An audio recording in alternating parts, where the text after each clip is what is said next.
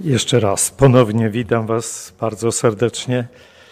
Myślę, że trochę nas przybyło przed telewizorami, a wszyscy jesteśmy jednym kościołem, jednym ludem i współuczestniczymy w wielbieniu naszego Pana. E, bardzo dziękuję również ze swojej strony siostro Marysiu za ten wiersz. On był świetnym wstępem do mojego kazania. Bardzo, bardzo dziękuję. Siostra Marysia Mielczarek to legenda, to historia zboru e, tutaj w Łodzi, e, w ogóle w Łodzi. E, należy do tych takich filarów kościoła naszego w Łodzi. Tyle tu było różnych doświadczeń i przeżyć. Tak więc, gdy ona coś wyraża, czy mówi, to wie, co mówi, bo wiele też przeżyła. I dziękujemy za Twoją wiarę i za to, że jeszcze nas tutaj ubogacasz także wierszami. Chciałbym, e, ponieważ jest to umownie według tego kalendarza, jak powiedział brat Andrzej, ale jednak ostatni dzień, ostatni, może nie dzień, przepraszam, ale ostatnia sobota mijającego roku 2020, on się już nie powtórzy, będą inne. Dlatego chciałbym bardzo serdecznie Was pozdrowić, tu obecnych, no i tych wszystkich, którzy teraz oglądają, słuchają przed telewizorami, komputerami. Życzę wszystkim wiele, wiele błogosławieństwa Bożego w tym nowym roku. Koniec roku, tak jak słyszeliśmy też już dzisiaj, to też takie, taka refleksja, to też pewne rozmyślanie nad mijającym czas, czasem, może pewne podsumowanie, refleksja nad tym, co nam się udało zrobić, czego nie udało nam się zrobić w minionym roku, taki swoisty audyt. E, tyle, że musimy mieć wciąż świadomość, że warto wyciągać wnioski, ale warto i trzeba iść do przodu. I myślę, że jako wierzący ludzie jesteśmy ludźmi nadziei, ludźmi, którzy idą do przodu, którzy nie są zrezygnowani, załamani, ale którzy pomimo e, świadomości pewnych trudów, trosk, też przecież i niebezpieczeństw, wciąż zapatrzeni jesteśmy w niebo. Jest coś w tym wyjątkowego, dlatego że to zapatrzenie przemienia nasze życie. Ale zacznijmy od takich refleksji życiowych. Otóż, gdy zapytamy może niemal albo każdego Polaka, który dzień w roku najbardziej lubi, najbardziej ceni, najbardziej wspomina, to chyba każdy powie 24 grudnia Boże Narodzenie. Zespół Czerwone Gitary, które dla szczególnie starszych osób są dosyć znane, mieli też bardzo piękne piosenki. I jedną z takich właśnie piosenek, ktoś tu już podpowiada, o takim wyjątkowym dniu. Gdy słuchałem tej piosenki po raz kolejny w tym roku, pomyślałem sobie koniecznie o tym, muszę coś powiedzieć. Posłuchajmy treści tej piosenki. Jest taki dzień, bardzo ciepły, choć grudniowy.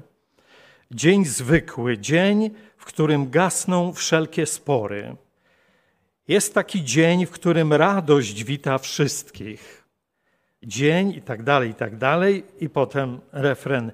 Niebo ziemi, niebu ziemia, wszystkie, wszyscy wszystkim ślą życzenia drzewa ptakom, ptaki drzewom, tchnienie wiatru, płatkom śniegu. Jest taki dzień, tylko jeden raz do roku. Dzień, zwykły dzień, który liczy się od zmroku. Jest taki dzień, gdy jesteśmy wszyscy razem. Dzień piękny, dzień, dziś nam rok go składa w darze. I melodia, bardzo piękna piosenka.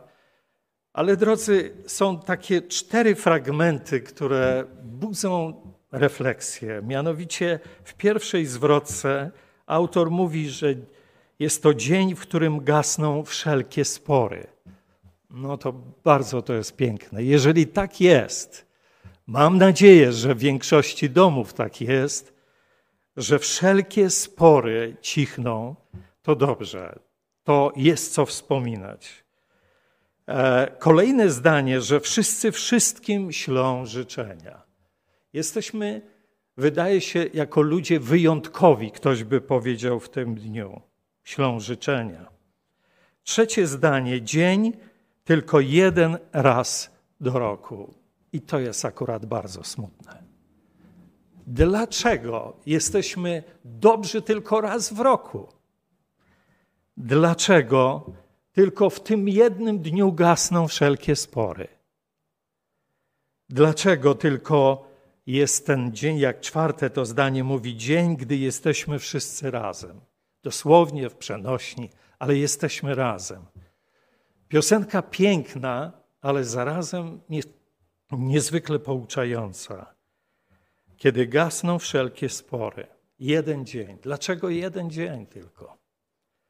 A co, jeżeli przecież rok, jak odejmiemy jeden dzień, ma jeszcze 364 dni? Co się dzieje w tych pozostałych dniach? Czy jest co wspominać? Czy możemy być dumni, przeżywając te dni? Ciekawe jest też to, że to właśnie osoba Jezusa Chrystusa, jakkolwiek rozumiana, postrzegana, ale jednak postać Jezusa Chrystusa jest inspiracją do tego, żeby składać sobie życzenia, żeby być razem, żeby być życzliwym wtedy wobec siebie. Gdy tak myślimy o nas, ludziach, budzi się taka refleksja religijna, troszkę filozoficzna. Otóż w pierwszym rozdziale Księgi Genezis, pierwszej Księgi Mojżesza, czytamy e, właśnie w tym pierwszej księdze, pierwszym rozdziale i tam od wiersza 26. Popatrzmy, jeśli już mówimy o Jezusie i o tym dniu. Potem rzekł Bóg – Uczyńmy człowieka na obraz nasz, podobnego do nas. Niech panuje nad rybami morskimi, nad ptactwem niebios, nad bydłem, nad całą ziemią, nad wszelkim płazem pełzającym po ziemi. I stworzył Bóg człowieka na obraz swój, na obraz Boga stworzył go, jako mężczyznę i niewiastę stworzył ich. Widać po tym, że mieliśmy bardzo wspaniałe początki, i Bóg tutaj przyznaje się do tego, że my jako ludzie zostaliśmy stworzeni na Jego obraz. Jak to wygląda w praktyce? Myślę, że czasami te cechy najpiękniejsze w jakiś sposób wychodzą z nas i warto dla takich chwil żyć. Oglądałem reportaż w telewizji o pewnej staruszce, która została odwiedzona przez swoją sąsiadkę, życzliwą osobę. I ta sąsiadka przyniosła taki wielki karton różnych prezentów. E, I tam były no, e, artykuły pierwszej też potrzeby, ponieważ ta staruszka no, jest biedna, więc przyniosio, przyniosła ta kobieta właśnie te produkty najrozmaitsze, ale także jakieś rarytasy, jakieś słodycze, no tak, żeby było miło. I jakąś przepiękną kartkę z życzeniami. I ta staruszka powiedziała takie słowa, które warto przenosić i warto o nich pamiętać. Dzisiaj odwiedził mnie chyba sam Pan Bóg. Oczywiście ona nie myślała, że sąsiadka jest Panem Bogiem, ale miała wrażenie i to skojarzenie z czymś dobrym, że chyba mnie sam Pan Bóg odwiedził. Dobre skojarzenie, bo rzeczywiście Bóg jest dobry. Takie staropolskie powiedzenie mówi: gość w dom, Bóg w dom, prawda? Dobre chwile, wyjątkowe chwile kojarzone są z Bogiem i to akurat bardzo dobrze. Jeżeli jesteśmy dobrzy dla siebie, jeżeli sobie nawzajem pomagamy, to znaczy, że odbijamy charakter samego Boga. Dlatego jest powiedziane: uczyńmy człowieka na obraz nasz, żeby w swoim życiu, działaniu był podobny do nas, żeby tak jak my, żeby mógł uszczęśliwiać innych ludzi. Tam jest dalej powiedziane w 28 wierszu: Błogosławił im Bóg i rzekł do nich: Rozradzajcie się, rozmnażajcie się, napełniajcie ziemię, czyńcie ją sobie poddaną, panujcie nad rybami morskimi, nad ptactwem niebios, nad wszelkimi zwierzętami, które się poruszają na ziemi. I to ważne, błogosławił im Bóg. Ten czasownik błogosławić oznacza życzyć komuś szczęścia pomyślności, sprzyjać komuś. No i właśnie, gdy myślimy o Bogu, a czasami o zachowaniach ludzkich, mamy wrażenie, że Bóg z całą pewnością, ale też i ludzie czasami nam sprzyjają, prowadząc nas ku dobremu, ku takich pięknych chwil. Ale jest pytanie, wszystko nie wygląda tak pięknie, jakbyśmy chcieli sobie wyobrazić. Te 364 dni bywają bardzo trudne, dramatyczne. Dlaczego zatem jest tak?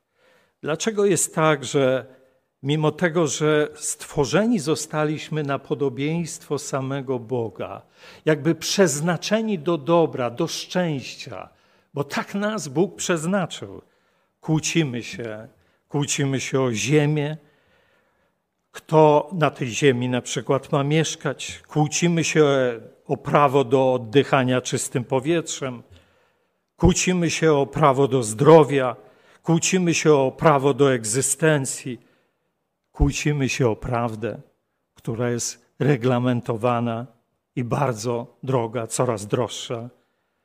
Kłócimy się, kto ma rację w sporze, kłócimy się, bo zazdrościmy innym Kłócimy się, bo moja racja musi być na wierzchu. I tak przeżywamy 364 dni. A potem jest ten jeden dzień. I nagle wszystko się zmienia. Jesteśmy nagle tacy dobrzy. Czy to jest prawda o nas?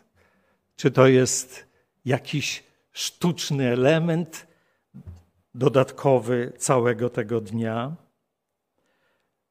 Skoro tak dobrze nam jest, ludziom, jakkolwiek to rozumieć, samo święto Boże Narodzenie, ktoś powie, ale to nie ta data nawet narodzenia Pana Jezusa i pewnie będzie miał rację. Ale jakkolwiek, gdy wspominamy Jezusa Chrystusa, Jego narodzenie, to jak, jakimi ludźmi możemy być, kiedy spotkamy się jako z Jezusem dorosłym.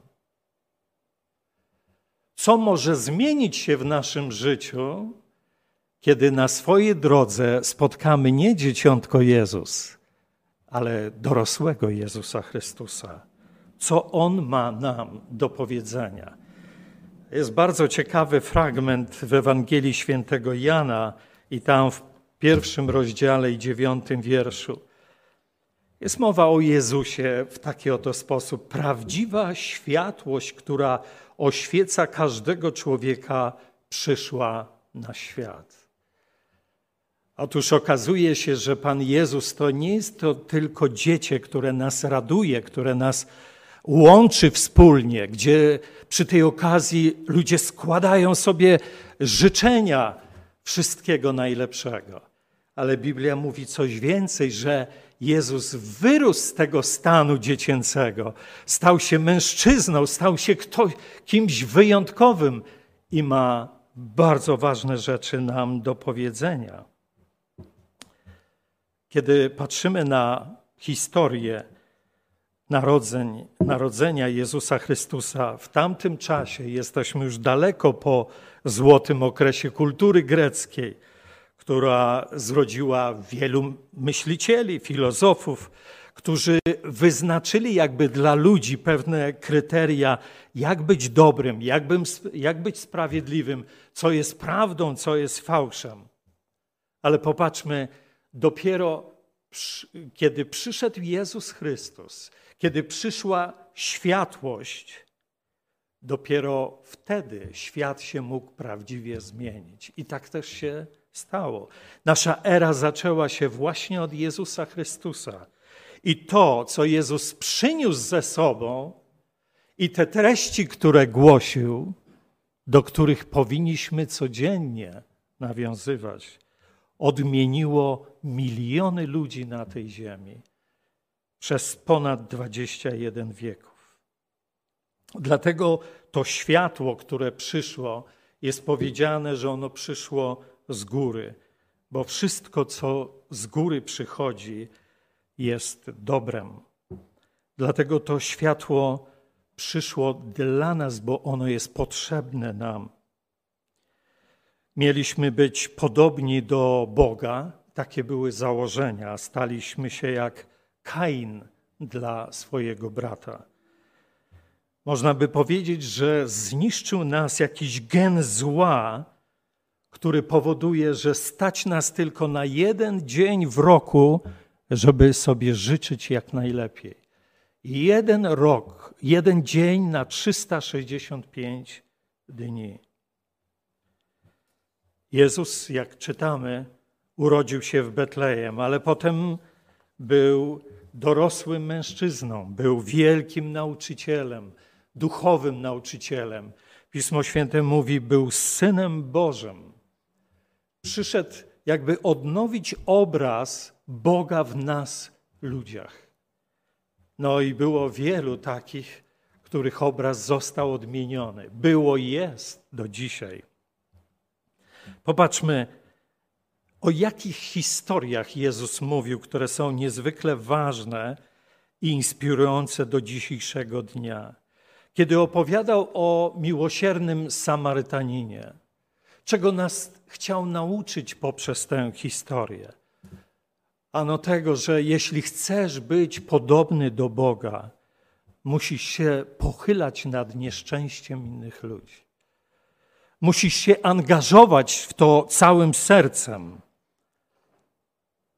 Musisz wiedzieć, że nieważne gdzie mieszkasz, w jakim kraju, w jakim środowisku, jeżeli spotkasz kogoś, kto wymaga i potrzebuje pomocy, powinieneś to oczywiście uczynić. I pomagać nie tylko w tym dniu, nie tylko w tym dniu się angażować i nosić paczki. Dobrze, że jest taki chociaż jeden dzień. Ale przecież mamy jeszcze 364 dni pozostałe. Jezus mówił o synu marnotrawnym.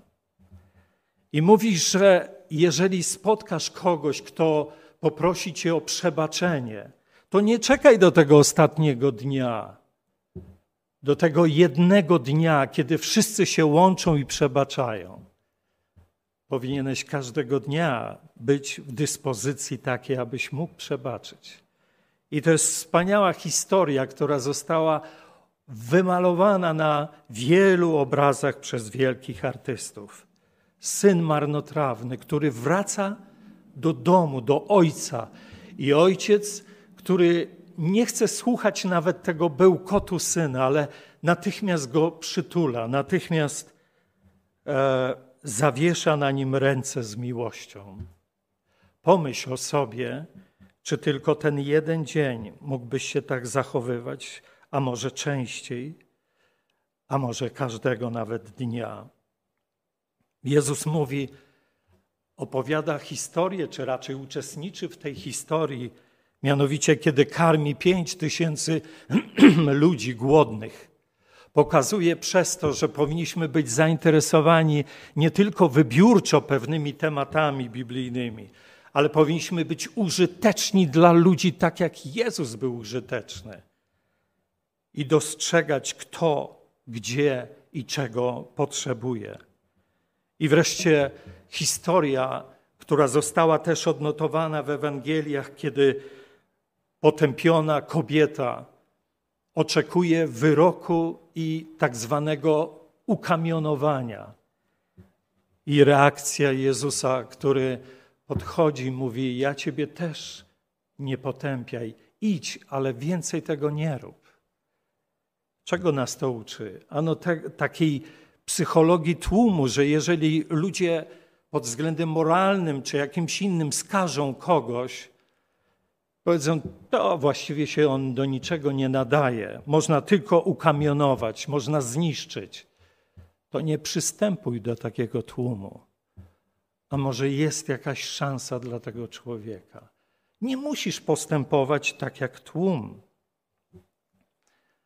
Albo historia Nikodema. To jest ciekawa historia uczonego znawcy prawa, który można by powiedzieć dzisiaj w takiej nomenklaturze współczesnej, jakiś duchowny, prawda, jakiś ksiądz, jakiś pastor najwyraźniej zagubił się duchowo. Stracił motywację, by nauczać, utracił pasję nauczania, tego, aby ludzie byli dobrymi, nie miał motywacji, nie potrafił inspirować ludzi, krótko mówiąc, osłab. I spotkał się z Jezusem Chrystusem. Jezus powiedział o takiej tajemnicy, która również może być poznana przez każdego z nas. Ty, duchowny, znawca prawa, znający Pismo Święte, nie masz siły pobudzić innych do życia, do działania bo musisz się na nowo narodzić. Ta wielka tajemnica w tych słowach. No to on odpowiada, czy to jest w jego wieku zaawansowanym możliwe. Tak, jeśli chcesz być podobny do Boga, to musisz inaczej nauczać. Musisz być innym nauczycielem. Możesz, jesteś w stanie inspirować ludzi do wielkich czynów. Możesz wskazywać ludziom dobrą drogę. Możesz uszczęśliwiać ludzi, możesz błogosławić, ale potrzebujesz siły. Potrzebujesz siły. Musisz zacząć patrzeć w niebo, bo wszystko, co dobre, właśnie pochodzi z nieba. Potrzebujesz natchnienia, potrzebujesz mocy, która czyni cię podobnym do Boga to jest Duch Święty. Nikt go nie widzi, powiedział Jezus, ale on działa jak wiatr. Jeżeli tylko będziesz chciał, możesz tę energię mieć, możesz tę siłę mieć dzięki Duchowi Świętemu. Dlatego Nikodem spojrzał w niebo. Dlatego i dzisiaj my, myśląc o nowym roku 2021, Możemy tak jak Nikodem, jak wszyscy inni, spoglądać w niebo, wpatrywać się w niebo, bo tylko samo dobro stamtąd pochodzi. Jak to dzisiaj się dzieje i jak Duch Święty może i odmienia nasze życie. Kiedyś słyszałem taką historię, a ona jest bardzo trudna ze względu na nasze charaktery. Jedna kobieta została urażona przez drugą kobietę. I pomyślałem sobie, dopóki mnie nie przeprosisz, to zrywamy wszelkie kontakty. Ale pomyślałem sobie, jednak powinniśmy się pogodzić. Więc pewnego razu, po iluś tam dniach, wybrała się do połowy drogi do tej kobiety, która ją oskarżyła, coś tam powiedziała. Do połowy drogi. I zawróciła z powrotem do swojego domu. Dlaczego? Bo w głowie miała mnóstwo przemyśleń. Przecież ja, ja tego nie zrobiłam. Dlaczego ja mam przepraszać? Przecież to jest nielogiczne. Jeżeli ona mnie obraziła, to powinna przyjść do mnie. No i tylko do połowy drogi doszła i mówi: Panie, nie, nie, nie, tego nie zrobię. To jest. Chyba ty też to rozumiesz, że to jest jakieś naiwne. Minęło znowu kilka tygodni. Jak bardzo jest to trudne. Ale po tych tygodniach modlitw i jakby spierania się z Bogiem postanowiła jednak pójść do tej kobiety, która ją obraziła. No i kiedy doszła, było to bardzo trudne. Zapukała do drzwi. a w drzwiach zobaczyła tę swoją koleżankę, która na widok jej rozpłakała się i powiedziała: Nie miałam siły pójść do ciebie, ale wiedziałem, że, wiedziałam, że musi taka chwila kiedyś nastąpić. I dziękuję, że przyszłaś do mnie. I już nic nie mówiły, już nic nie wyjaśniały, tylko padły sobie w ramiona. To nie było 24 grudnia.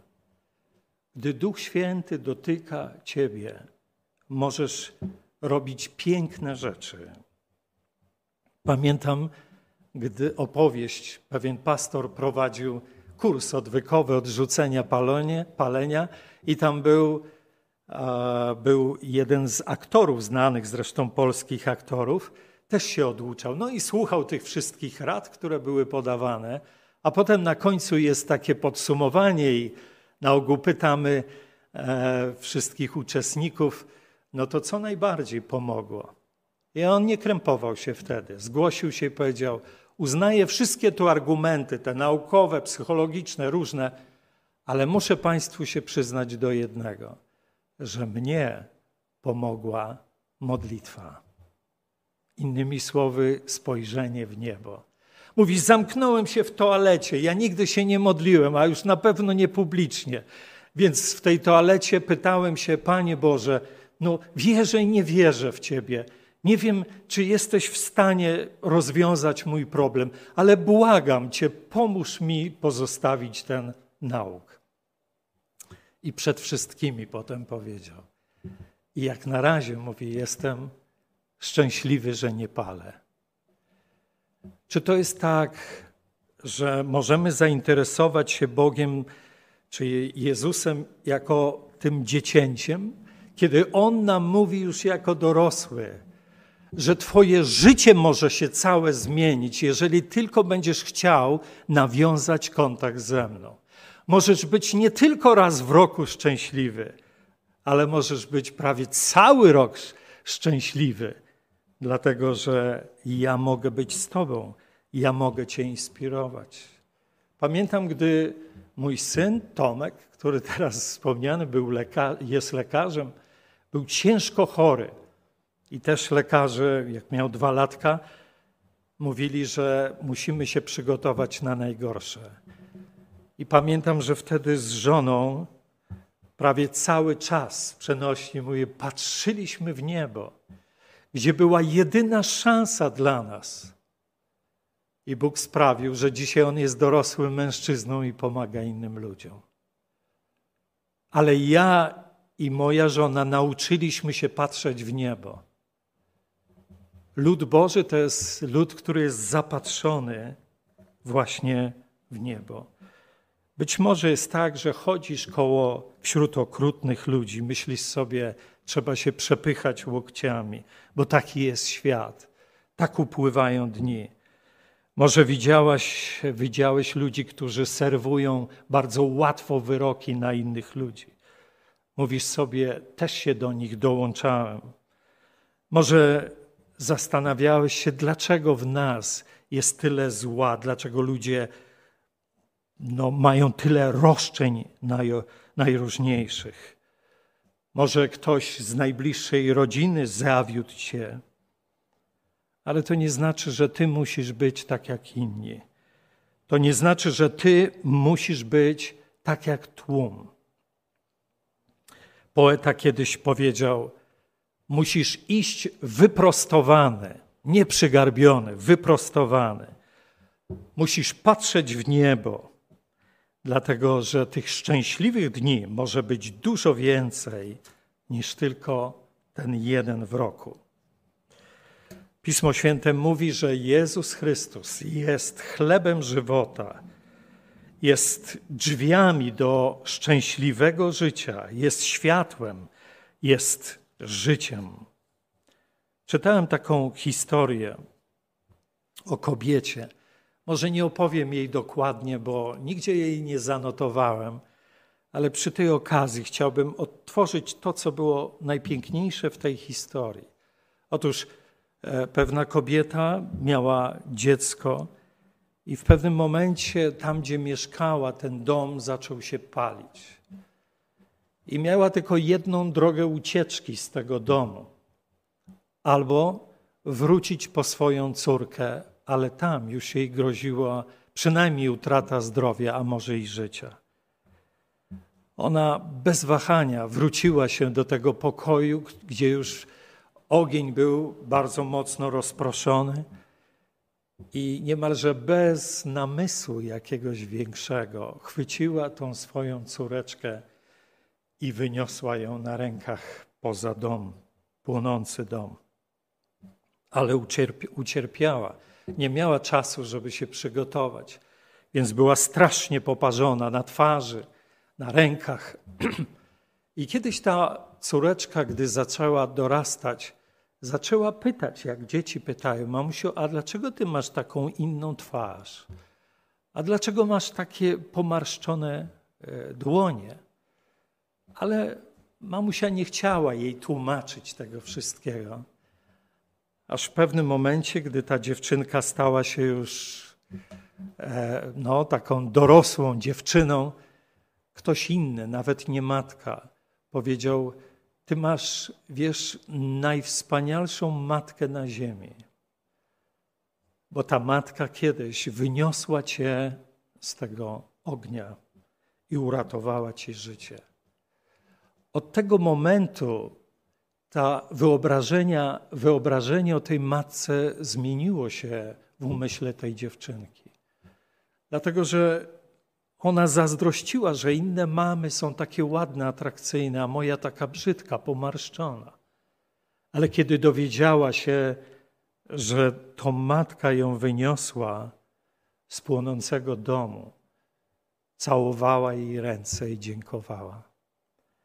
Kiedy myślę sobie tak o naszym Zbawicielu, nie o tym malutkim, e, który prowokuje nas do miłych zachowań, ale o tym dorosłym, który, gdy dorósł, pokazał nam, jak żyć, a potem oddał za nas swoje życie. Wskoczył w ten ogień, tylko ta historia skończyła się dramatycznie. On zginął na krzyżu, rozciągnięty między niebem a ziemią, jakby łącząc nas z niebem. Zrobił to z miłości do nas. Dlaczego? Tak jak pierwsza strona Pisma Świętego mówi, bo stworzył nas na swój obraz i podobieństwo.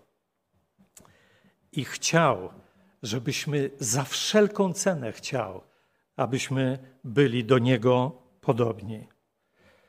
Kiedyś, gdy siedziałem przy łóżku 90 ponad 90-kilkuletniego starszego pana, wierzącego człowieka, Trzymałem go za rękę i on w ostatnich jakby słowach swoich, kończąc żywot na tej ziemi, mówił słowa: On wróci po mnie.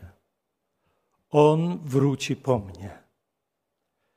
Ten starszy człowiek doceniał to, że Jezus się narodził, doceniał to, że potem był dorosły i tak wiele rzeczy pięknych nam przekazał ale jego cała nadzieja była w tym, że on, tak jak matka ta, oddał za mnie swoje życie.